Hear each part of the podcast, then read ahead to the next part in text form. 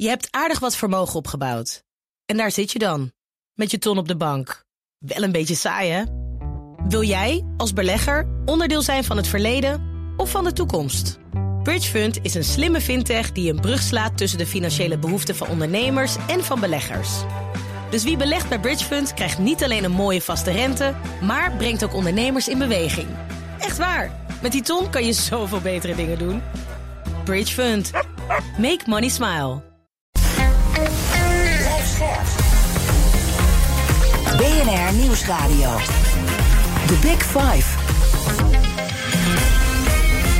Diana Matroos. Het einde van de coronapandemie komt in zicht. Dat zei de baas van de Wereldgezondheidsorganisatie onlangs. Prachtig natuurlijk, maar juichen we niet te vroeg? Zijn we echt bijna van die pandemie af? Is het al endemisch, zoals dat zo mooi heet?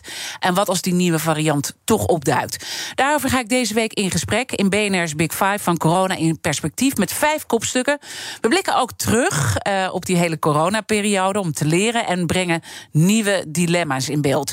Vandaag heb ik als gast Maarten Keulemans, wetenschapsjournalist bij de Volkskrant.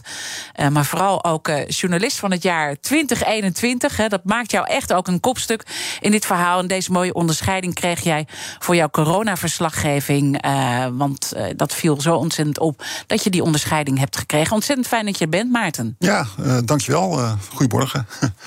ik ga het natuurlijk uitgebreid straks met je hebben over de laatste inzichten rond corona. Ook internationaal volg jij alles. Die alarmerende Chinese studie gaan we het zeker ook over hebben. Uh, maar voordat ik dat ga doen, wil ik twee dingen van je weten. Allereerst, uh, vanaf het begin van corona ben jij er meteen bovenop gedoken. Ja. Waarom wist jij dit is echt een verhaal waar ik in moet duiken. Nou ja, het was natuurlijk sowieso mijn, ja, heel uh, simpel, mijn portefeuille bij de krant om uh, dit soort dingen te verslaan. Maar ik ben in 2002 was ik, werkte ik bij de NOS en daar heb ik ook gewoon de opkomst van het SARS-virus als journalist meegemaakt.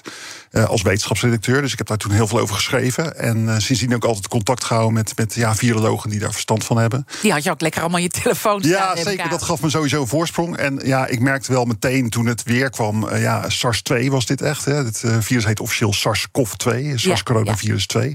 Uh, dus ik wist wel meteen van, nou, dit is wel heel serieus. Want ja, in 2002, 2003 heeft het echt een haartje geschild... of het was ook een pandemisch uh, virus geworden. Dat hebben we toen net kunnen tegenhouden. Ja, en uh, ik weet nog heel goed, het moment was eigenlijk toen ik op een gegeven moment bij het RIVM ben ik langs gegaan bij uh, Tiemen. Uh, ja. de, de, rechterhand van Jaap van Dissel, zeg maar. Ze is intussen weg, hè? Ja, ja. ze is intussen weg. En um, het was wel grappig, want ik heb haar toen, ja, zij was toen vol overtuiging van, ja, wij, het gaat ons lukken om het virus buiten de deur te houden in Nederland. En toen, toen zei ik van, ja, maar wacht even, het is een, het is een luchtwegvirus. En luchtwegvirussen zijn toch altijd heel moeilijk. En toen zag ik haar gezicht een beetje betrekken. En toen zei ze, ja, ja, dat is inderdaad wel, een, wel, wel zo. Dus maar eigenlijk dat was, was er daar ook een soort ongeloof, ook misschien wel bij het RIVM dat het. Mensen willen het natuurlijk allemaal ook niet dat dit heel groot wordt. Nou, kijk, weet je wat het is? Het grote verschil met SARS-1 was dat SARS-1 is pas op zijn besmettelijkst op het moment dat jij in het ziekenhuis ligt en heel erg ligt te hoesten en zo. En daarom was het nog relatief makkelijk tegen te houden. Want je kunt mensen gewoon, uh, ja, je kunt mensen dan apart zetten. Ja. Oh, jij bent ziek, jij moet echt even in isolatie. En bij SARS-2 is ja, de bijzondere eigenschap van dit virus is dat het, ja, je geeft het ook door als je het nog helemaal niet zo ziek van bent. Ja, maar ik vind het zo uh, uh, verbazingwekkend eigenlijk dat jij haar daarop wijst en dat zij dan eigenlijk een beetje uh, toch geschrokken kijkt. Ja, Zo'n nou, opmerking van jou. Hè? Dus dan zie je ook hoe, ja. hoe, belangrijk jouw werk dus ook is. Om eigenlijk de mensen die erover gaan scherp te houden. Nou, bij het RIVM leefde toen echt nog de gedachte van... ja, dit is zoals SARS-1, dit kunnen wij nog redelijk tegenhouden. En ook helemaal niet onterecht, want China gaf dit ook heel duidelijk aan. Van, ja, het is niet zo heel besmettelijk van mens op mens. China heeft een beetje, een beetje gezwijnd eigenlijk. Heeft een beetje gejokt hierover. Ja. En uh, nou ja, daardoor is het toch uh, kunnen, kunnen binnenkopen bij ons. Goed, maar jij voelde in ieder geval... dit kan wel eens heel groot worden. Ja. En je hebt je erop gestort. Het tweede wat ik uh, van je wil weten, dat werk, wat jij dan vervolgens doet, dat moet je ook doen binnen een klimaat waar heel veel onwaarheden voorbij komen. Wat is nou echt het grootste onzinverhaal wat je in de afgelopen periode voorbij hebt zien komen? Oeh, nou heb je een uh, uurtje. ja. dat hebben we trouwens. Dus, uh, Zeker. Ja. ja. nou ja, weet je, persoonlijk uh, word ik altijd erg geraakt door, door verhalen, verwijten die je krijgt van, van lezers van de Volkskrant ook. En, en mensen op Twitter en op social media die zeggen van ja, Maarten Keulemans, jij bent, jij bent van de industrie. Jij, jij hult met het RIVM, jij hult met de farmaceutische industrie, jij bent voor vaccinatie. Ja, dat is helemaal niet zo. Ik ben gewoon gewoon journalist en ik geef gewoon zo eerlijk mogelijk weer wat er gebeurt. En is dat dan een reactie op dat verhaal wat rondging dat je zou doodgaan van vaccinaties en waar jij dan een ander licht op werpt, dat je dan dat soort verwijten krijgt? Ja, bijvoorbeeld. Uh, Ik ben natuurlijk gewoon wel bezig met gewoon de onderzoeken weer te geven. En die, ja, die onderzoeken die geven aan dat die vaccins best veilig zijn. Natuurlijk hebben ze bijwerkingen, maar het is echt niet zo dat we er massaal aan doodgaan. En ja, weet je, dat is heel lastig. Want op het moment dat ik dat gewoon ja, eerlijk aangeef van joh, ik heb net weer een studie in de Lancet gelezen waarin staat dat ja, jongeren kunnen myocarditis krijgen, ontsteking van het hartzakje van vaccinatie. Maar het gebeurt heel zeldzaam. En als ze het krijgen, in de meeste gevallen is er niks aan de hand en uh, ja, genezen ze gewoon. Ja, op het moment dat ik dat gewoon zeg, gewoon wat in de. Lancet staat, het uh, artsenblad, dan krijg ik iedereen over me heen. Ja, jij bent voor, uh, voor vaccinatie. Jij wordt vast betaald door de industrie. Vreselijk, vreselijk. En, en, en we gaan dat nog verder uitdiepen Zeker. ook. En ook de bedreigingen die daarbij komen kijken. Want die krijg jij ook. net zoals dat politici die krijgen. Ja, dit is de rare tijd waarin wij, wij leven. maar eerst even het actuele beeld. Want iedereen zit ook een beetje van. en jij spit dus alles uit, ook internationaal. Van joh. Um, waar staan we? Waar ja. staan we? Hoe groot gaat het worden? En je merkte ook uh, dat het van de voorpagina's uh, verdwijnt. Uh, minister Kuipers zei gisteren ook: ja, het is niet meer zo hot. Nee, nee. Want we hebben hele andere grote problemen. Merk je dat ook vanuit de Volkskrant? Ja, zeker. Nou ja, het is ook logisch. Er gebeurt nogal wat in de wereld. Ja. Uh, denk even aan Oekraïne. Denk eventjes aan de energiecrisis. Denk even aan alle andere belangrijke dossiers die ineens opspelen. Dus het is ook wel logisch. En iedereen is tegelijkertijd ook corona een beetje zat natuurlijk. Hè. Laten we wel exact, zijn. Ja. Zeker als je gewoon weet je, artiest bent of je, of je bent ondernemer. We willen het niet. We willen nee, het natuurlijk. Dus we willen het niet. Dus je, dus je doet je oren ook een beetje dichter voor. Maar tegelijkertijd, nou ja, goed, gisteren is natuurlijk bekend geworden dat we toch weer een klein beetje een opleving zien van het aantal besmettingen. En dat Ja. zou wel eens de aanloop kunnen zijn naar ja, een, een najaarsgolf. Want dit zijn natuurlijk virussen die vooral in het najaar eh, rondgaan. Terwijl je wel gisteren, moet hè, kijken eh, natuurlijk van waar komen we vandaan. Hè? Dus dat er een Ja. opleving is als, als, er, als het eigenlijk heel rustig is. Nou, ja, zitten- dan lijkt een stijging opeens al heel groot. Hè? We zitten natuurlijk, ben ik helemaal met je eens, we zitten in een andere fase. Maar toch, hè, gisteren waren er dan meer dan 100 opnames in het ziekenhuis. Waarvan echt eh, driekwart ongeveer echt vanwege corona. Ja, weet je, dat is niet niks hoor. Je zal die, eh, die meer dan 100 mensen hier, eh, ja, ze passen hier niet in deze studio waar we nu zitten. Dus, eh, dus het, is, het is ook weer niet als- alsof er helemaal niks gebeurt. Nee, en ik maar zie het tegelijkertijd beetje. zijn er mensen natuurlijk ook met griep die eh, ook in het ziekenhuis belanden. Hè? Dus die nuance moeten we ook hebben. Alleen het moeilijke is dat je dus nu. En, en misschien kan je het uitleggen, want het is best wel ingewikkeld. Merkte ik ook in de, in de eerdere gesprekken. Er is een alarmerende Chinese studie. En Ja. daarvan is denk ik nu het cruciale moment van hoe zit dat verhaal in elkaar? Eh, weten we nou precies of dat klopt? Want dat zou wel eens veel impact kunnen hebben. Ja, klopt. Die Chinese studie die geeft eigenlijk aan van je hebt allemaal nieuwe subvarianten van Omicron. Dat is allemaal nog wel Omicron, maar het zijn kleine broertjes en zusjes van, van Omicron. En die hebben allemaal eigenlijk een beetje dezelfde mutaties. Ze hebben een beetje dezelfde veranderingetjes aan, aan hun stekeltjes. Nou, dat is allemaal eh, hogere vir- viruskunde. Maar dat komt erop neer dat de, het virus gewoon een beetje eh, de uitweg aan het, aan het vinden is om onze vaccinatie heen. Het is zo, we zijn allemaal gevaccineerd met nou ja, de oorspronkelijke vaccins tegen het eh, Wuhan-virus, tegen het allereerste coronavirus wat rondging. En ons, ons immuunsysteem weet, oh ja, dat Wuhan-virus, dat moet ik, eh, daar moet ik rekening mee houden. Dus op het moment dat jij corona krijgt, ook als je Omicron krijgt, dan zegt je immuunsysteem van wacht even, ik moet antistoffen maken tegen ja, het oorspronkelijke eh, coronavirus, het Wuhan-virus. Terwijl als het uiteindelijk verandert, dan, dan reageert, reageert het daar dus niet op. Ja, dus, dus jouw afweersysteem is dan bezig toch een beetje de verkeerde antistoffen aan het maken. En als je dan bijboostert, nou dat helpt dan wel een beetje, maar het helpt steeds minder. Dus eigenlijk Ook dat je- aangepaste vaccin, Ja, ook dat nu aangepaste eh, vaccin. eh, sinds kort weer te krijgen omdat je immuunsysteem dat heeft gewoon in zijn kopie gekregen van wacht eventjes, eh, de coronavirussen, dat is die Wuhan-soort, die moet ik hebben. Ja, het is maar- een beetje, ik vergelijk het wel eens met een gevangenisbewaarder die telkens als er een uitbraak is uit de gevangenis gaat, hij weer datzelfde raampje checken waar de vorige keer de gevangenen uit zijn ontsnapt. Terwijl ja, die gevangenen hebben een heel ander raam gevonden waardoor ze ontsnappen. En de gevangenen zijn in dit geval het virus. Ja, en En je krijgt dan de situatie, je ja. krijgt dan de situatie dat zo'n zo'n virus eigenlijk gewoon ja, eh, blijft rondgaan, besmettelijk blijft. En het, het is niet zo dat je ermee in het ziekenhuis belandt en op de IC belandt, maar wel gewoon ja, heel vervelend. Een virus, ja, een coronavirus, wat keer op keer Nou ja, en, en, krijgen. en, en dus heel erg vervelend eh, als je dat relateert aan het personeelstekort. Hè? Want je zegt al, ehm, goed, o- o- o- eh, je zal wat minder snel in het ziekenhuis belanden. Maar we hebben een mega personeelstekort. En al die mensen die thuis moeten zitten, die dit krijgen, dat is natuurlijk nu wel een, een, een groot probleem aan het worden. Ja, ik spreek dus microbiologen in de ziekenhuizen. En die zeggen ook van ja, laten we nou alsjeblieft weer die mondkapjes gaan opzetten in de, in de trein. Uh, laten we gewoon dingetjes doen om het virus tegen te houden. Om de circulatie van het virus tegen te houden. Zodat je gewoon straks minder mensen krijgt die gewoon snotterend, uh, nou ja, gewoon met een beetje koorts in bed blijven thuis. Want als je het allemaal optelt, ja, dan kan dat behoorlijk erin hakken. Ja, je zal maar een, ja. een horecatent runnen en, en je zit ineens al je personeel is ziek. Hou je rekening met een lockdown nog? Want uh, uiteindelijk uh, sprak ik ook natuurlijk minister Kuipers gisteren. Die zegt: Ja, ik heb eigenlijk geen coronawet nu in handen. Want die tijdelijke, ja, die, die hebben we gestopt.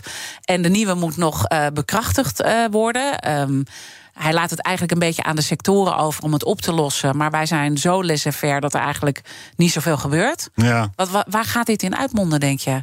Nou ja, We moeten voorzichtig zijn met voorspellingen. Ik ben helemaal met je eens hoor. Kijk, weet je, ik zie een lockdown niet zo snel gebeuren. Al is het maar omdat niemand dat meer wil. En iedereen is het helemaal spuugzat. Ja, tenzij er echt iets gebeurt. Een hele nieuwe variant. Waardoor het gewoon weer helemaal uh, misgaat. Hè. Dat, dat moet je nooit helemaal uitsluiten. Ik zie het een beetje zo van. Het is net als. Ja, het is, het is winter. Uh, het, het heeft gevroren. Het ijs is. Uh, nou ja, het is mooi glad. Het, er ligt ijs. En jij bent degene die de eerste stapjes erop gaat zetten. Ja, goed, dat gaat goed. En zitten er nog zwakke plekken in het ijs? Ga je doorzakken? Niemand die het weet. En uh, zo, dat is wel een beetje het gevoel waarmee ik deze winter betreed. The Big Five. Diana Matroos. Mijn gast is Maarten Keulemans, wetenschapsjournalist bij de Volkskrant. Zoals gezegd heeft hij zich helemaal vastgebeten in de coronaverslaggeving. En daar ben heb je ook een mooie onderscheiding voor gekregen. En we noemden het net al eventjes, zo'n nepnieuwsverhaal... Uh, ja, waar jij dan ook mee uh, geconfronteerd wordt. Uh, want als we terugblikken, is dat toch wel een beetje de kern ook... die je voorbij ziet komen. Dat we echt ook nou ja, als journalisten tussen al die nepverhalen door moeten opereren. Um, waarom denk je dat juist corona zo'n voedingsbodem is geworden voor complottheorieën? Nou ja, ik denk dat je het bij alle pandemieën ziet. Iedereen wordt erdoor geraakt. Uh, iedereen vindt het vervelend. En dat is gewoon, dat op zich is al een voedingsbodem om, om ja, weet je wel, rare dingen te gaan denken. Of te gaan geloven van, nou ja, wacht even, ik heb hier het wondermiddel waardoor ik nooit meer ziek word. Of als ik het raam openzet en goed ventileer, dan is, uh, is de pandemie voorbij. En dat zie je eigenlijk bij alle, bij alle uitbraken van ziektes zie je dat gewoon gebeuren. Uh, dus bijvoorbeeld, ja, weet je wel, de theorie dat het virus is gemaakt door mensenhanden. Dat zie je bij echt alle. Dat zag je ook bij SARS 1 zag je dat uh, terugkomen. Maar bijvoorbeeld, ja, de grieppandemie van 1918, heel lang geleden. Uh, eh, 50 tot 100 miljoen doden zijn er toegevallen. En ook toen had je ja, mensen die op straat hun mondkapjes gingen verbranden en zo. Dus ja, weet je, het is wel echt van alle tijden. En het is denk ik ook het, het zelfbeschikkingsrecht hè, over je lichaam, wat, wat wij ook heel moeilijk vinden in Nederland. Dat, dat ja eh, dat we bijna gedwongen worden om zo'n prik te nemen. Weet je wel? Dat, dat is denk ik ook wel iets wat zorgt voor die weerstand. Klopt, ja, nou ja, het heeft wel, dat klopt. Ik denk dat, uh, dat zeker Hugo de Jonge heeft uh, natuurlijk bepaald geen goede diensten bewezen door zo ontzettend te hameren op dat prikken en te roepen van ja, als we eenmaal zijn ingeënt, dan, zijn we, dan is de pandemie voorbij. Ja, dat had hij achteraf gezien helemaal beter, echt wel een stuk voorzichtiger kunnen aanpakken. Dus, eh, dus ja, dat soort dingen spelen natuurlijk allemaal helemaal mee. Maar in de kern is het denk ik gewoon echt gewoon een menselijke reflex. Er gebeurt iets heel onbevattelijks groots om je heen. Je wil de controle op hebben. En dus ja, ga je, ga je eh, gekke onderzoekjes aangrijpen. Je gaat dingetjes aangrijpen die je ziet op, op YouTube en op, eh, op internet. En nou ja, goed, dat, dat past dan in je straatje en daar ga je in geloven. Ja, en dat is ook gewoon een andere tijd waar wij nu in leven. Je hebt al een paar voorbeelden gegeven. Nou ja, Hugo de Jonge is zo'n verhaal niet handig dat hij dat heeft gedaan. En vervolgens moet jij dat als journalist ook weer gaan repareren, toch? Hoe lang ben je met zo'n verhaal bezig om zoiets te repareren? Nou ja, repareren. Ik bedoel, ik ben natuurlijk niet de, de, de, de voorlichter van de overheid. Hè? Dus ik zie mijn rol helemaal niet om dingen te repareren. Maar gewoon wel om zo eerlijk mogelijk gewoon te, uit te leggen wat er gebeurt. Jouw journalistieke taak, toch? Ja, en, en een van de dingen die ik bijvoorbeeld wel heb gedaan in het verleden met die persconferenties en zo. Dat had ik vrij veel contact met, met ja, hoogleraren gezondheidscommunicatie. En ja, die, die leggen mij dan uit van, van ja, wacht even, zoals het nu is gegaan op zo'n persconferentie. Dat is eigenlijk helemaal niet handig, want je bereikt daar allemaal mensen, bereik je er niet mee een van de, van de terugkerende punten is bijvoorbeeld telkens van ja, met dat gecommuniceerd via persconferenties. Ja, je spreekt alleen de mensen aan die gewoon lineaire tv kijken en die hoog opgeleid zijn. Terwijl ja, de, de vaccinatieproblemen, de mensen die niet willen inenten, dat zijn vaak mensen in achterstandswijken, mensen met een migratieachtergrond. Ja. Die hebben het wantrouwen. Dus ja, weet je, dat soort dingen, dat heb ik echt wel gewoon geleerd, ook door te praten met, met wetenschappers. Ja, en maar jij kan daar eigenlijk ook dan niet een verandering in aanbrengen, want je bent uh, journalist van de Volkskrant. Ja. Dus die achterstandswijken lezen de Volkskrant Nee, nee, nee, tuurlijk niet. Dus dat is eigenlijk een, een, een, Daar gaan we zo nog wel over hebben. Hoe we de overheidscommunicatie. Uh, hoe dat beter kan uh, richting de toekomst. overigens kwam jouw eigen hoofdredacteur ook een beetje in de problemen. Ja. Ja, dat kan je wel stellen. Nou, die heeft helemaal in het begin van de pandemie heeft hij uh, zich niet zo heel handig uitgesproken in het uh, programma Spraakmakers op uh, andere zender op NPO 1. Dat is een journalistenpanel waar, waar journalisten het nieuws zitten door te nemen. Ja. En hij, nou, het was, de avond daarvoor was net de lockdown afgekondigd. En Ab Osterhaus had bij Op 1 had hij gezegd van ja, het moet eigenlijk nog veel strenger. Er moeten bij wijze van spreken mensen moeten opgesloten worden thuis. Een beetje naar een Chinees model. En daarvan zei mijn hoofdredacteur Pieter Klok, die zei dus in, op, de, op de radio van ja, luister, uh, dat hoeft ook weer niet. Laten we nou een beetje uh, het RIVM blijven volgen, de lijn van het RIVM. Want die mensen hebben ervoor doorgeleerd. En zeker in deze tijd moet je toch een beetje achter het RIVM uh, blijven staan. Nou ja, ondaan van zijn context komt het natuurlijk volkomen fout over. Alsof ja. wij als Volkskrant echt nou ja, een soort ja, het, het, onze zwaard in de grond prikken voor, voor het RIVM of zo. En, en trouw zweren aan het RIVM. Dat is natuurlijk helemaal niet zo. Terwijl jullie juist de RIVM gewoon ook controleren. Hoor. Ja, Klopt het wat, tuurlijk, ze, tuurlijk. wat ze zeggen. Maar dat is dan in de beeldvorming ja. wat ontstaat. En hoe lang heb je daar dan nog last van, van zo'n verhaal? Nog steeds. Het is, nog steeds? Ja, absoluut. Het is bizar, maar nog steeds. Nou ja, bijna dagelijks krijg ik dit voor mijn voeten geworpen. Ja, nee, jullie zijn van die krant die, eh, die alleen de lijn van het RIVM eh, volgen. Nou, mensen, luisteraars, het is niet zo hoor, echt niet. en hoe, hoe, los je dat op? Want dit is natuurlijk echt wel een probleem uh, nou ja, waar wij als journalisten allemaal tegenaan lopen. Ik vind mijn vak ook echt wel moeilijker geworden. Ja. Uh, hoe ga jij ermee om? Nou, ik ben ook een beetje aan het zoeken naar hoe ga je daarmee om. Uh, ja, toch maar gewoon telkens maar weer zeggen van ja, luister, wacht even, dit is gewoon een misverstand. Hou even op. Uh, denk je nou echt dat wij het niet groot op de voorpagina zetten als, uh, als echt blijkt dat vaccins enorm mensen doodmaken en zo. en dat is meestal, ja, je merkt dat mensen als je dan gewoon dat, dat op ja, redelijkheid en op een rustige manier uitlegt aan mensen, dat mensen dat ook gewoon wel snappen. Ja, dus, je dus, zegt toch, ik blijf het gesprek aangaan, terwijl je ook wel mensen hoort zeggen, joh, je moet er juist geen aandacht op vestigen, want daarmee maak je eigenlijk die complottheorieën weer dat ze een bepaalde aandacht uh, krijgen. Dus dat is best een moeilijke balans ja, waar je dan in moet opereren. Nou, ja, dat zie ik echt anders. Ik vind dat ja. je altijd ook op complottheorieën altijd serieus moet nemen. Die, die complottheorieën zijn er niet voor niks. Die, die komen voort uit zorgen van mensen. Dat moet je gewoon serieus nemen. En mensen zijn niet gek, mensen zijn niet achterlijk, mensen zijn heel slim en, en zelfbewust. En ja, weet je, als je mensen gewoon bij de hand neemt en, en uitlegt van joh, wacht even, jij gelooft nu echt wel dat, uh, uh, nou ja, noem wat, dat, dat, dat vaccins zorgen voor miskramen. Nou, luister, kom op, ik neem je mee naar, naar dit onderzoek. Kijk nou zelfs met je eigen ogen naar deze cijfers. Hier blijkt gewoon uit dat het echt onzin is. Vind je het ook en, ergens leuk om te doen? Ja, het, ik heb natuurlijk wel een beetje een soort ja, uh, zendingsdrang op een bepaalde manier. Dat is gewoon ja. wel zo. Ik vind het leuk om, om, om dingen uit te leggen en, en ingewikkelde uh, shit te ontsluiten voor, uh, voor, voor mensen die, die niet per se de Lancet of de New England Journal of Medicine lezen. dus dat speelt wel mee. Uh, maar ik vind het ook wel, zeker op internet, vind ik het best wel ook een beetje mijn burgerplicht om gewoon ja, die, die stroom van, van misinformatie. Ik kan daar heel slecht tegen. Ik denk van ja, jongens, kom op, word even wakker. Uh, ja. het, zit, het zit anders in, uh, de volk zit anders in de stil. En als je dan nu kijkt, wordt die stroom wordt die krachtiger of, of, of neemt hij een beetje af? Waar staan we?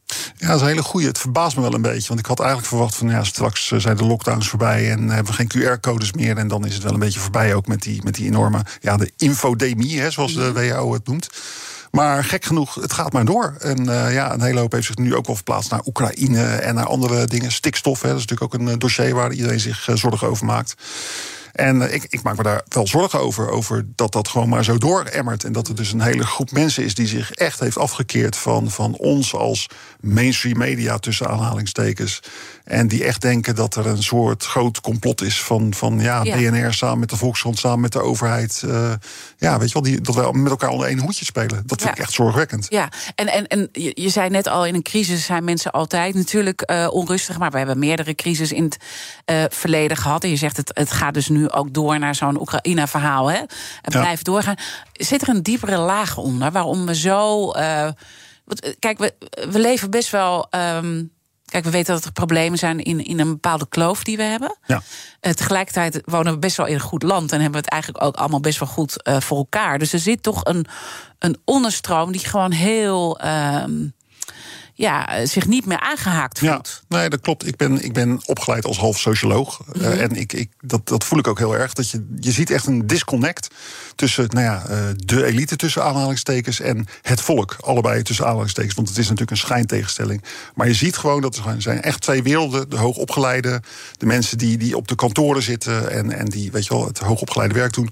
Ja, en de mensen die met hun handen werken op de werkvloer met andere inkomens, andere interesses, andere mediakanalen. En, en dat zijn echt twee Nederlanden. En uh, ja, ik denk dat dat ten diepste wel het probleem is wat zich hier, uh, hier wreekt eigenlijk. Ja, en, en wat, wat, zouden we daaraan uh, moeten doen? Niet dat jij, uh, nou ja, goed, je bent gelukkig dan nog ja. ergens socioloog, hè? Dus, dus je kan er wel met een bepaald uh, bril naar kijken. Wat, wat zouden we daar nou aan kunnen doen? Weet niet. Het is, het is een van de grote uitdagingen van deze tijd, denk ik, om die kloof te zien en te overbruggen. En, en toch, ja, ik denk dat het heel erg zit in, in ongelijkheid bestrijden overal waar je het tegenkomt. In, in salarissen, in, in werktijden, in, in achterstelling van, van volken die, of volken, bevolkingsgroepen die niet goed meekomen.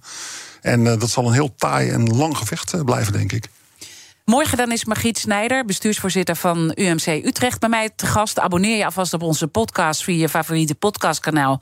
Want dan weet je in ieder geval zeker dat je geen aflevering mist. En straks praat ik uitgebreid verder met wetenschapsjournalist Maarten Keulemans van de Volkskrant. En dan praten we over de overheidscommunicatie als het gaat over corona, ook op dit moment. En Ernst Kuipers, eh, de minister die ik gisteren sprak, heeft daar een mooie vraag over aan jou. Blijf luisteren. Je hebt aardig wat vermogen opgebouwd. En daar zit je dan, met je ton op de bank. Wel een beetje saai, hè? Wil jij, als belegger, onderdeel zijn van het verleden of van de toekomst? Bridgefund is een slimme fintech die een brug slaat tussen de financiële behoeften van ondernemers en van beleggers. Dus wie belegt bij Bridgefund krijgt niet alleen een mooie vaste rente, maar brengt ook ondernemers in beweging. Echt waar, met die ton kan je zoveel betere dingen doen. Bridgefund. Make money smile. Duik mee in de wereld van ESG. Dit seizoen verkennen we hoe bedrijven hun strategieën rond duurzaamheid vormgeven. Ontdek de nieuwste innovaties in energietransitie en de impact van waterstof. Wie zijn de ware koplopers in duurzaamheid? Ik ben Donatello Piras, presentator en samen met Roet Oei brengen we koplopers in ESG. Elke maandag om twee uur te horen op BNR Nieuwsradio. Dit programma wordt mede mogelijk gemaakt door Missie H2. Samen maken we Nederland het waterstofland in 2030.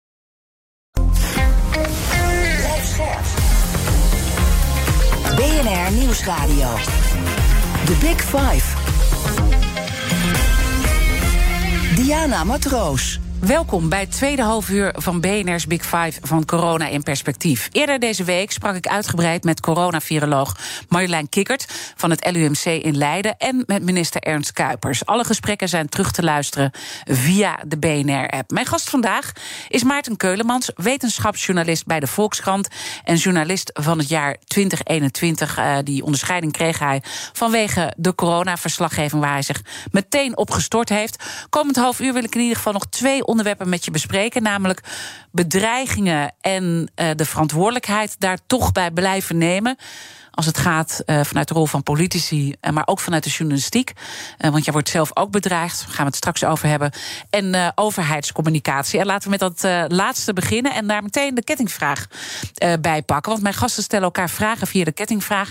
En gisteren sprak ik, hij viel al een paar keer, Ernst Kuipers, minister van Volksgezondheid, Welzijn en Sport. En die had deze vraag voor jou.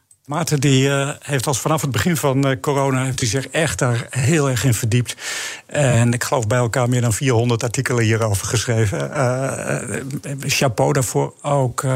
dat helpt ook om telkens weer die boodschap over het voetlicht te krijgen. Waar staan we nu? Uh, wat is voor hem nu ook voor de komende periode, ook kijken naar al die ontwikkelingen uh, in het buitenland, de belangrijkste adviezen die hij heeft ten aanzien van die communicatie waar we het zo net over hadden? En wat zouden wij ook vanuit een overheid nog beter kunnen doen om over het voetlicht te brengen en te monitoren en over te communiceren? Hm. Het mooie vond ik dat wij op Twitter al voorbij zagen komen. Wat goed, Ernst Kuipers stelt Maarten Keulemans een vraag over communicatie. Ja. dus dat leeft dan meteen ook via de socials uh, leeft dat op. En daar stond ook een opmerking bij. Wat goed dat hij ook die vraag uh, stelt. Want het is een belangrijke vraag. Ja, ja, ja. Nou ja ik denk dat Ernst Kuipers sowieso uh, een heel ander, ja, andere man is in communicatie dan, dan zijn voorganger Hugo de Jonge. Uh, ja, het is, het is, een hele brede vraag natuurlijk. Ik denk ten eerste, uh, laat ik me benadrukken, ik ben natuurlijk geen communicatieadviseur of zo. ik ben gewoon journalist. Ik ben gewoon de man die erover schrijft. En je bent ook niet degene die de overheidscommunicatie moet gaan repareren. Hè? Nee, zeker niet. Laten we dat even voorop. Als krijg je dat. Verlengstuk van het RIVM, dat gezegd hebbende. Ja, en ik denk ook dat, dat er veel goed gaat. Want ze hebben natuurlijk, ja, ook de overheid is natuurlijk vanuit het niks overvallen door, door een pandemie. Waarbij ze in één keer heel snel moesten schakelen en hele andere dingen moesten gaan doen dan ze gewend zijn. Mhm. Maar uh, ik vind wel dat uh, wat de overheid eigenlijk consequent verkeerd heeft gedaan in, in, de, in de communicatie. Dat lees ik gewoon in de rapporten en hoor ik van de experts die ik erover spreek. Dat is alsmaar gewoon alleen de spelregels uitleggen. Gewoon een, ja, een website uh, openen en daar gewoon opzetten wat precies de coronaregels zijn, de maatregelen van dat moment. Of op een persconferentie dat over het volk uitstorten. Ja, dat is helemaal niet zoals communicatie werkt. Bij communicatie moet je namelijk ook mensen gewoon echt meenemen en uitleggen waarom je bepaalde maatregelen uh, neemt. Je kan gaan roepen van ja, jongens, we kunnen weer boosteren, uh, allemaal boosteren. Maar nee, je moet natuurlijk wel even uitleggen waarom zouden mensen zich eigenlijk laten boosteren. Mm En de overheid reageert dan vaak door gewoon een, ja, een website te openen met nou, hier kun je vragen en antwoorden krijgen. Maar dat is toch niet helemaal zoals het, eh, zoals het werkt, eh, denk ik. En ja, dat heb je natuurlijk ook wel echt in het verleden gezien met Hugo de Jonge, die dan uh, nou ja, dansen met Jansen zei en uh, allemaal dat soort dingen. Dat klinkt, dat klinkt dan lekker, maar je zegt, ja, Ernst Kuipers is echt wel een ander kaliber als het hier over gaat. Toch merkte ik ook, en daar komt natuurlijk ook die vraag vandaan, dat hij um, zoekende is, hoe moet hij het nou doen? Hè? Hoe, hoe creëer je draagvlak terwijl iedereen klaar is met uh, corona? Uh, het gewoon niet meer hond is, waar ook tal van andere problemen hebben. En een heel polariserend klimaat. Ja. Hè? Want hij, hij geeft aan, als ik iets zeg, want ik besprak ook met hem ja, ben je niet een beetje te onzichtbaar? Ja. maar als hij iets zegt, dan komt er zo'n heftigheid vervolgens op. Ja, maar ja, dat is nou je, je werk als minister. Hè? Dat je gewoon dingen zegt en ook de heftigheid uh, trotseert die er dan op komt. Maar ik vind nu bijvoorbeeld, nou ja, het virus leeft weer een beetje op. En ja, kijk eens om je heen. Uh, ik heb hier vanaf hier zicht op de Wieboudstraat. Ik zie reclameborden, maar ik zie nergens weer reclameborden hangen van... jongens, uh, corona is weer, is, is, is weer een opkomst, doe iets. En uh, Ernst Kuipers is daar heel makkelijk in geweest. Om, om alsmaar het gewoon ja, aan de sectoren over te laten. Alsof, ja. en dat heeft ook een risico in zich. Want als het nu misgaat, dan hebben die sectoren het wel gedaan. Dan krijgen jullie als ondernemers krijg je, krijg je straks ineens te horen van... Uh, ja, wacht even, jullie zouden toch corona tegenhouden? Maar dan toch even naar onze eigen volksaard. Hè? Want ik bedoel, we hebben ons enorm uh, verzet al, al, in al die eerdere rondes. En dan steeds gezegd van, wij kunnen toch zelf wel de dingen doen? De sector heeft steeds geroepen. Wij willen zelf nadenken. Neem ons nou serieus. Ja. Dus in die zin zou je kunnen denken, hij doet nu wat we wilden. Dat klopt, dat zegt hij zelf ook altijd. Van, ja. Nou ja, goed, uh, sectoren die wilden het graag zelf, dus nu geef ik die sectoren de kans. Maar ik denk, ja, dit is wel weer het andere uiterste. Dat je zo uit het veld stapt en zo uh, je onzichtbaar uh, maakt. Dat, nou, het is grappig, ik heb gisteren even zitten vergelijken... de Duitse ja. corona-sites met de Nederlandse corona-sites. Confronteerde ik hem ook mee, ja. ja. het is leuk, want dan kom je in, op de Duitse sites... en zie je echt in grote rode grafieken zie je van... nou, oké, wat de stand van zaken is met het coronavirus. In blauw grafieken zie je dan van hoe het gaat met het prikken. Dat is echt het goede nieuws. Maar er staan dan bijvoorbeeld ook dingen bij van uh, ja, de informatie over het, uh, over het uh, inenten. Dan staat er echt zo wichtige informationen zum impfen. Dus echt, hier moet je op klikken en dan weet je alle belangrijke informatie. Als je dan in Nederland kijkt, dan zie je gewoon een website waar allemaal blauwe kopjes op staan. En er staat er op een gegeven moment ja, vaccinatie tegen het coronavirus. Heel saai. En dan moet je dan op klikken en dan kom je op een site met heel erg ja, oeverloos, echt van die, van die saaie Rijksoverheid informatie. Er gaat niks van, van urgentie vanuit of zo. Er en zeker een hele groep uh, die, die, die, die bereik je daar gewoon helemaal niet mee. Die worden helemaal niet nou, daardoor getriggerd. Een van de andere verschillen die me opviel op de, de Duitse coronavirus site. Dus hier meteen zie je heel groot allemaal vlaggen staan. Van nou ja, eh, Turkse vlaggen bijvoorbeeld. Van ja, mensen die Turkstalig zijn. Die kunnen daarop klikken en die krijgen dan diezelfde informatie in het uh, Turks te zien. En in Nederland moet je er echt met een, met een, eh, met een kaarsje naar, eh, naar zoeken op die site. Ja, dat is niet gezond. Maar heeft het niet toch ook met onze aard dan toch weer te maken? Want Duitsers zijn ook natuurlijk wel heel erg uh, volgzaam daarin. En vinden dat ook prima als ze gewoon heel duidelijk gedicteerd krijgen uh, hoe ze zich moeten gedragen. En wij gaan altijd in opstand. Ja, maar dat vind ik zo. Ik ben dat niet helemaal eens. De volgzame Duitser en de, de, de, de, stoute Nederlander. Ik geloof dat niet zo. Dat is een soort frame waar we in. ja, nee, dit, dit, dit gaat uiteindelijk gewoon echt puur om van, van hoe leg je dingen uit. Weet je, in Nederland is de nadruk altijd heel erg op het virus verspreidt zich. Maar het is niet het virus wat zich verspreidt, het zijn mensen die het virus verspreiden. En, en je moet dus op die mensen moet jij je communicatie gaan, gaan richten. En hoe zou je dat dan doen? Want, hè, want je bent nogmaals, je bent geen communicatiespecialist, maar maar wel journalist. En je volgt het natuurlijk allemaal goed. En, je, en ook een sociologisch perspectief breng je mee. Hoe zou je het dan aanpakken? Nou, bijvoorbeeld nu met het boosteren. Ik mis gewoon echt de boodschap van waarom zou je eigenlijk laten boosteren. En ik heb gisteren dus echt even zitten zoeken van wat, wat, waar staan de cijfers eigenlijk. Hè, van hoeveel beschermt het mij als ik me nu zou laten boosteren. Ja, die cijfers die zul je op de overheidssite op rijksoverheid.nl zul je die gewoon niet vinden. En ik denk van ja, dat verhaal mist gewoon. En de overheid laat dat heel erg aan wetenschappers over. Wetenschappers zoals Marjolein Kikkert en zo. Maar ja, die zijn natuurlijk ook niet puur opgeleid voor, uh, voor uh, ja, dit soort communicatie. Dat zijn gewoon wetenschappers. Die moeten gewoon uh, in het laboratorium virussen in een ja. regeerbuisje stoppen. Is er ook een rol voor ons? Hè? Want wij hebben ook overwogen, moeten nou wel of niet nog een coronaweek mhm. maken. nou, uiteindelijk toch gedaan.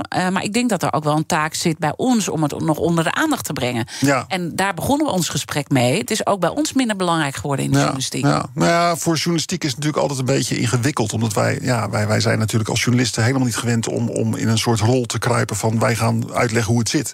Ik heb in de Volkskrant heb ik op een gegeven moment dat een beetje ondervangen door een eh, wekelijkse rubriek te beginnen.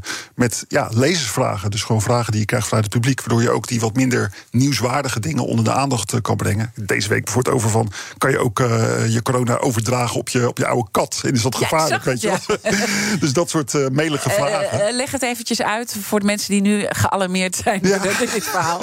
nou, lang verhaal kort. Het, ja, ook katten die kunnen corona krijgen. Honden trouwens ook. En uh, gebeurt zelfs vrij vaak. Alleen het enige is, ze worden er niet zo heel erg ziek van. Uh, dit ging in een heel aandoenlijk uh, verhaal over een meneer die was, had corona gekregen. Die wilde gewoon met zijn oude zieke kat op schoot wilde niet uitzitten. dus die maakt zich daar zorgen over. Maar ik kon wel geruststellen dat die kans dat, dat, je, dat je kat eraan doodgaat, is niet zo groot. Maar wel dat je kat het ja, krijgt en daar asymptomatisch ziek van wordt. Dus zonder echt ziek te worden, zeg maar. Maar eigenlijk zeg je, je moet gewoon eigenlijk iedereen ook serieus nemen en uh, um, ook uh, draagvlak creëren. Ook door dat soort simpele vragen over een kat te gaan beantwoorden. Terwijl je kan denken, ja, hoe belangrijk is dat? Nou, ik word zelf al bij de les gehouden door uh, in ieder geval de lezers van, van, mijn, van mijn krant, van de Volkskrant. Die mij heel veel vragen mailen, heel veel twijfels aan mij uiten. En ik vind het ook wel, ja, weet je, het zijn natuurlijk wel onze abonnees die ook mijn loon betalen. Dus ik vind het ook wel een beetje deel van mijn werk om, om daar dat serieus te nemen en die, die zorgen te adresseren. En, en ook dus dat soort ja, lullige vragen te beantwoorden. Ja. Domme uh, vragen bestaan niet, hè? Dus domme dat vragen is, uh, bestaan niet, zeker. Ben ik het helemaal uh, mee eens. iets anders is hoe in de Kamer daarover gecommuniceerd wordt. En als je dan kijkt naar, nou ja, ook gewoon even terugblikkend naar het niveau van de gesprekken in de Kamer, wat vind je dan? Ja, dat is best bedroevend. Je ziet dat het. Uh, uh, in het begin was er natuurlijk een grote eensgezindheid. Ik denk dat het kabinet echt een uh, behoorlijke strategische fout heeft gemaakt door op een gegeven moment opzij te stappen en het helemaal over te laten aan het OMT. Ze hebben eigenlijk het, het stuur van de BV Nederland hebben ze overgegeven aan Jaap van Dissel en zijn mensen. Nee, in de allereerste fase van de pandemie was dat natuurlijk gewoon heel verstandig. Want dan moet je gewoon echt snel schakelen. Je moet gewoon echt uh, zaken doen. En nou ja, prima om dat uh, dan te doen. Maar later merk je gewoon dat, dat, ja, dat het ook een soort uitvlucht werd voor het kabinet. Het kabinet kon heel makkelijk zeggen van ja, uh, wij gaan ja. niet over. Het is het OMT. het OMT heeft dit geadviseerd. En het OMT was ook eenzijdig ingesteld. Hè? Nu hebben we tegenwoordig het MIT. Hè? ja, het MIT. Het MIT, die, die meer ook maatschappelijk en psychologisch meet hoe we ervoor staan. Want dat was natuurlijk het grote verwijt. Nee. We kijken alleen maar uh, naar het virus en, en bouwen daar alle besluiten op. Ja, maar als je daar een beetje over nadenkt, is het natuurlijk van de zotte. We hebben ook de SER en de WRR. En we hebben allemaal raden en adviesorganen in de Haag rondlopen. En toch uh, ja, heeft het kabinet uh, het OMT op een soort voetstuk gezet. En dat is natuurlijk heel onverstandig. Het kabinet had hier de verantwoordelijkheid moeten nemen. En gewoon veel meer moeten afwegen van ja, het OMT aan de ene kant. En al die andere organisaties en adviesclubs aan de andere kant. En dat gewoon ja, zelf de verantwoordelijkheid nemen voor de beslissingen. En als je dan naar het nu kijkt, Gaat het dan beter? Het gaat nu beter. Het OMT bestaat ook niet eens meer. Uh, maar ja, uh, gaat het beter? Het is nu wel weer zo dat de overheid zich wel heel erg heeft teruggetrokken. Die onzichtbaarheid, eigenlijk ja. de onzichtbaarheid. Uh, hè, want we, we, hebben het net over Kuipers gehad, maar Rutte wordt ook onzichtbaarheid verweten op ja. tal van dossiers waar hij ook toegeeft. nou, misschien is dat ook zo. Ja. zou hij veel meer ook weer hierover moeten gaan communiceren? Ja, ik denk dat het geen kwaad kan als Rutte ook gewoon ja, beseft dat er zoiets is als de coronacrisis. En het lullig is is met virussen. Op het moment dat ze opkomen, dan kan je er nog wat aan doen. En dan zie je het nog niet zo erg, maar dan kan je er wat aan doen. En op het moment dat ze echt exponentieel aan het groeien zijn en om zich heen grijpen en we in de problemen komen, dan is het gewoon te laat. Ja, Dus want daar ben ik toch een beetje. het is een beetje in een glazen bol kijken, maar daar ben ik soms een beetje bang voor. Dat we straks, als, het toch weer zo'n coronagolf nu komt, wel met minder impact dan Ja. eh, op onze gezondheid dan de vorige keer, maar wel impact op het personeelstekort. Dat, dat je weer een hele hectiek gaat krijgen Ja. eh, deze winter. Ja, ja, ik ben heel benieuwd wat we eigenlijk hebben geleerd als het weer eh, zou gaan losgaan. ik heb toevallig gisteren een berekening gezien dat we, nou ja, de griep komt er ook aan. We hebben geen maatregelen meer, dus griep kan ook rondgaan en corona kan rondgaan. Als je dat optelt, nou ja, dit was een hele ruwe berekening hoor, moet ik echt benadrukken. Dan zou je ergens in, eh, in januari een piek krijgen van iets van 100.000 mensen in het ziekenhuis in Nederland. Eh, ja, ik schrok daar ook heel erg van. Ja, zeker met de leegloop die we in ziekenhuizen hebben gezien. eh, met name ook op de IC's. Ja, precies. Afgelopen precies, zomer. Ja. En dat zijn natuurlijk niet allemaal doodzieke IC-patiënten. En ik moet echt benadrukken, dit zijn gewoon hele losse berekeningen van een modelleur van het niveau die dit had uitgerekend. Maar ja, weet je, dit zijn wel, ja, het zal maar gebeuren. Ja. Dan zijn we wel de Sjaak. Ja, dingen die jij in ieder geval goed in de gaten gaat houden. Je hebt aardig wat vermogen opgebouwd. En daar zit je dan, met je ton op de bank. Wel een beetje saai, hè? Wil jij, als belegger, onderdeel zijn van het verleden of van de toekomst? Bridgefund is een slimme fintech die een brug slaat tussen de financiële behoeften van ondernemers en van beleggers. Dus wie belegt bij Bridgefund krijgt niet alleen een mooie vaste rente, maar brengt ook ondernemers in beweging. Echt waar! Met die ton kan je zoveel betere dingen doen. Bridgefund. Make money smile. Duik mee in de wereld van ESG. Dit seizoen verkennen we hoe bedrijven hun strategieën rond duurzaamheid vormgeven. Ontdek de nieuwste innovaties in energietransitie en de impact van waterstof. Wie zijn de ware koplopers in duurzaamheid? Ik ben Donatello Piras, presentator en samen met Roet Oei brengen we koplopers in ESG.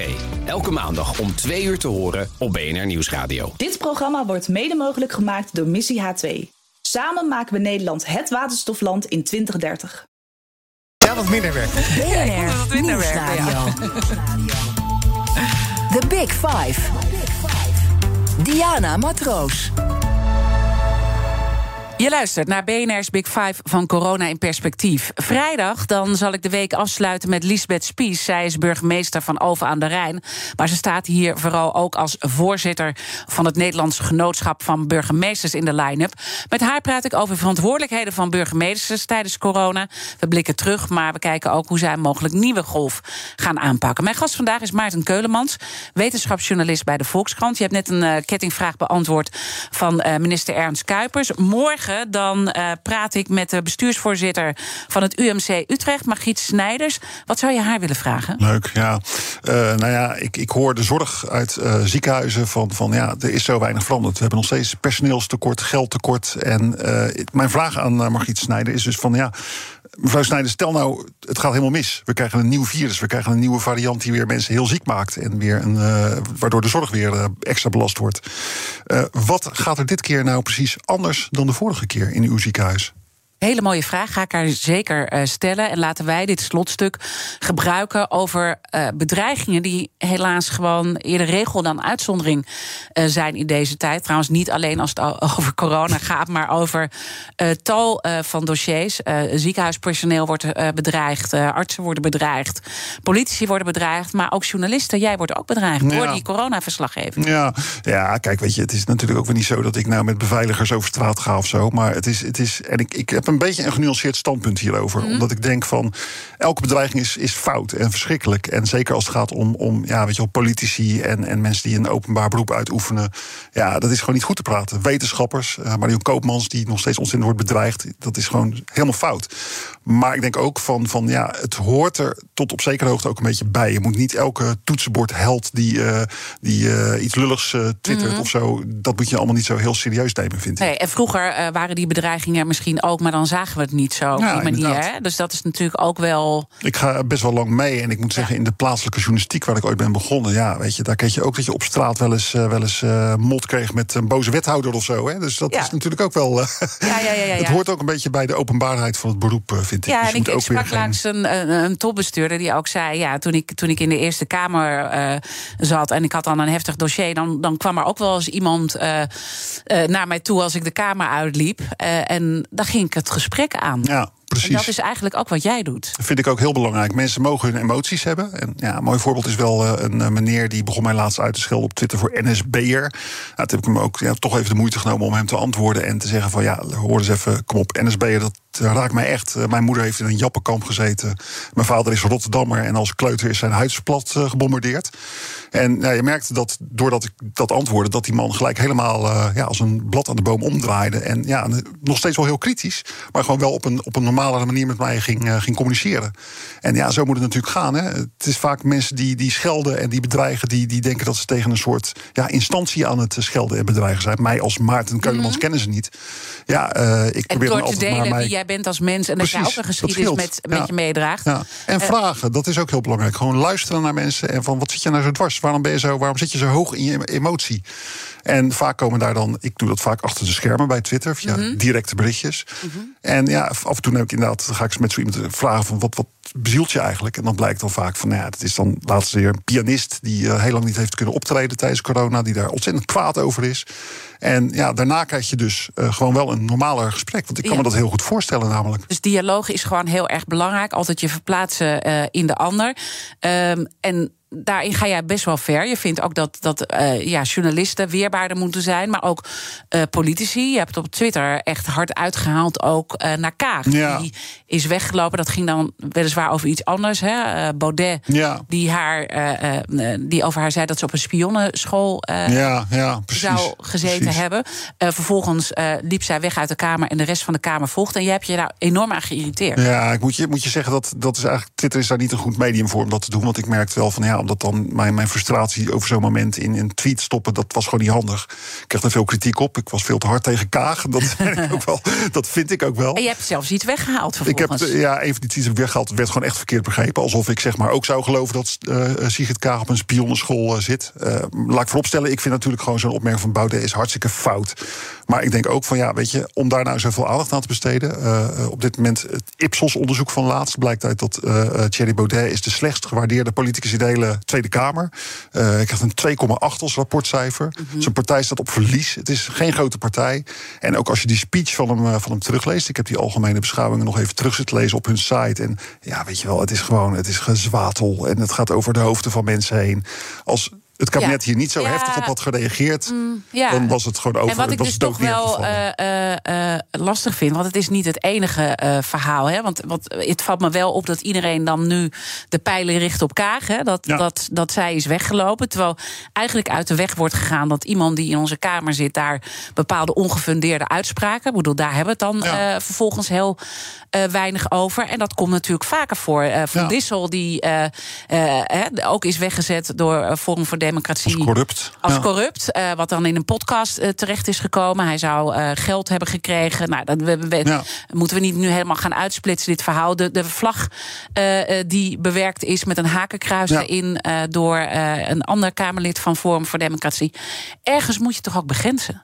Nou ja, het moeilijke is, je hebt te maken met een partij die gewoon het uh, nou ja, aangeeft het met de democratie niet zo serieus te nemen. Hè? Met uh, Forum voor Democratie heeft dat heel sterk.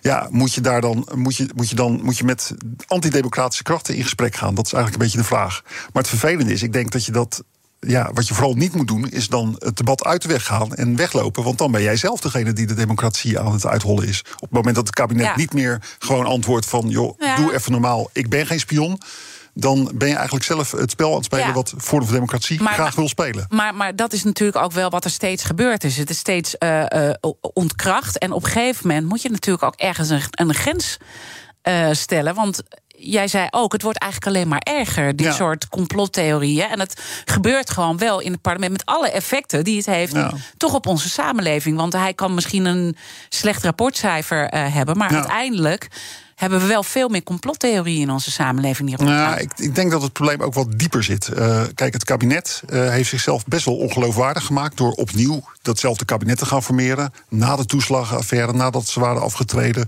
is Rutte toch weer teruggekomen. Nadat Kaag had gezegd van ik ga niet meer de ChristenUnie en uh, Rutte in een kabinet, is ze dat toch weer gedaan.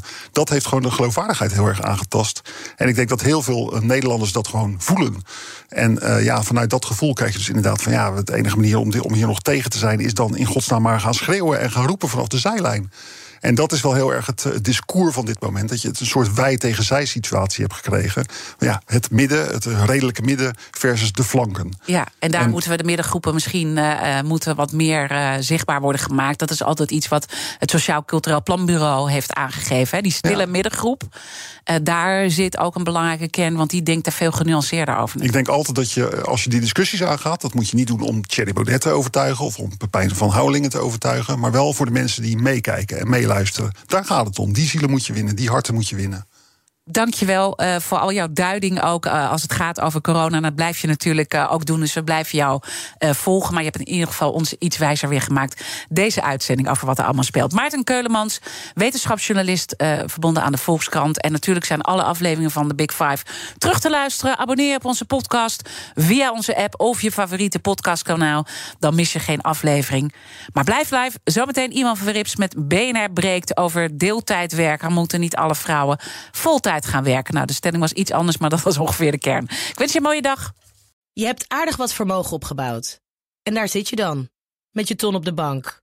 Wel een beetje saai, hè? Wil jij, als belegger, onderdeel zijn van het verleden of van de toekomst?